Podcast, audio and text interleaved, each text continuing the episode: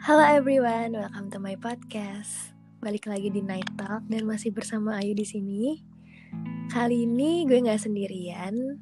Gue ditemenin sama salah satu sahabat gue yang menurut gue cocok banget diajak bahas tentang podcast kali ini.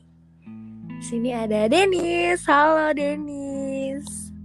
Hai Ayu, hai. Apa kabar? Alhamdulillah baik.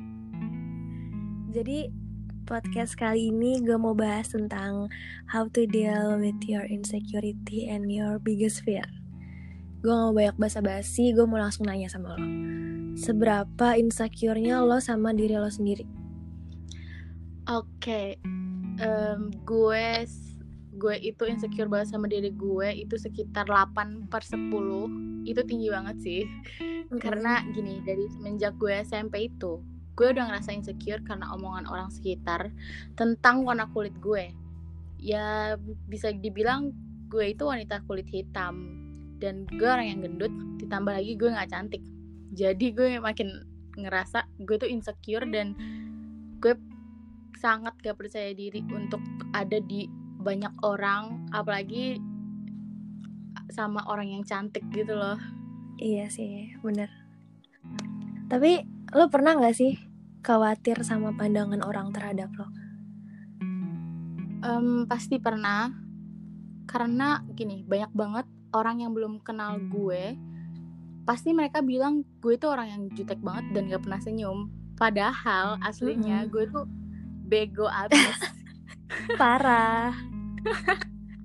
nggak pernah bisa diem dan selalu receh gitu ya kan? Tapi banyak banget orang-orang yang cuman bisa menilai sesuatu itu cuman dari satu pandangan aja. Kayak gue lagi jalan ketemu orang yang nggak pernah ngobrol sama gue gak pernah tahu tentang gue terus dia udah langsung menilai ih Denis jutek banget ya nggak pernah senyum tahu dia itu gue kesel banget sih kayak lo harus tahu orang itu dulu baru lo bisa menilai gitu Iya bener banget. Padahal apa ya? Kita emang nggak bisa kontrol pemikiran orang sih. Mau kayak gimana ke kita. Iya sih, cuman ya lebih baik gak usah berbicara terlebih dahulu sebelum lo tahu apa yang benernya sih dari diri dia tersebut gitu. Betul. Tapi eh, apa ya? Apa sih ketakutan terbesar lo selama hidup ini? Karena kan pasti setiap orang punya ketakutan dong. Kayak gue nih, contohnya ketakutan terbesar gue itu ditinggal. Ditinggal dalam hal apa pun, kayak dari relationship, friendship, family gitu. Kalau lo gimana? Em, ketakutan terbesar gue itu kekerasan sih. Gimana tuh? Gue nggak bisa cerita banyak karena kayak it's my privacy gitu kan. Iya betul. Oke. Bisa dibilang itu disebut kayak daddy issues gitu. Heeh. di mana gue takut akan sosok laki-laki yang bakalan sama seperti bokap gue karena gini eh, di saat gue umur 2 tahun tiga tahun itu gue udah dapet kekerasan dari sosok ayah gue sendiri gitu. Kayak sampai akhirnya gue itu punya trauma terhadap laki-laki di mana gue kayak aduh apa sih laki-laki itu sampah menurut gue gitu kan Iya sih. Terus, Eh, benar benar eh, benar. itu sekitar 2 tahun trauma eh, itu ada di kelas gue SMA itu pas gue SMA gue trauma banget sama laki-laki tapi alhamdulillahnya karena gue udah dapet support dari banyak orang yang sayang sama gue jadinya gue oke ba- laki-laki itu masih banyak yang baik gitu Mm-mm. Nyata keluarga sosok seorang ayah yang harusnya jadi pelindung jadi penyebab luka gitu gak sih? iya bener banget luka yang paling dalam dan membuat kadang membuat mental gue jadi down membuat psikis gue kadang jadi rusak juga gitu Hmm, parah sih emang. Tapi kadang harus berterima kasih karena dari itu dia ngasih kita pelajaran. Iya betul banget. Terus ah gimana cara lo ngatasin rasa insecure dan ketakutan lo itu? cara gue untuk mengatasi rasa insecure itu sebenarnya simple sih Sam kayak gue pernah baca di artikel gue lupa itu cukup pakai kedua tangan lu untuk menutupi telinga lu itu yang ada dua buat gak dengerin apa yang orang-orang ngomongin tentang hal negatif yang bikin diri lo sendiri itu insecure gitu. Dan kadang anehnya gue kan suka hangout gitu kan sama teman-teman gitu kan. Terus kayak ada nih cewek cantik gitu putih bersinar gitu lah. Terus tau gue ngomong apa? Iya apa? Ah gue masih tetap cantik kok. Iya gitu. bener.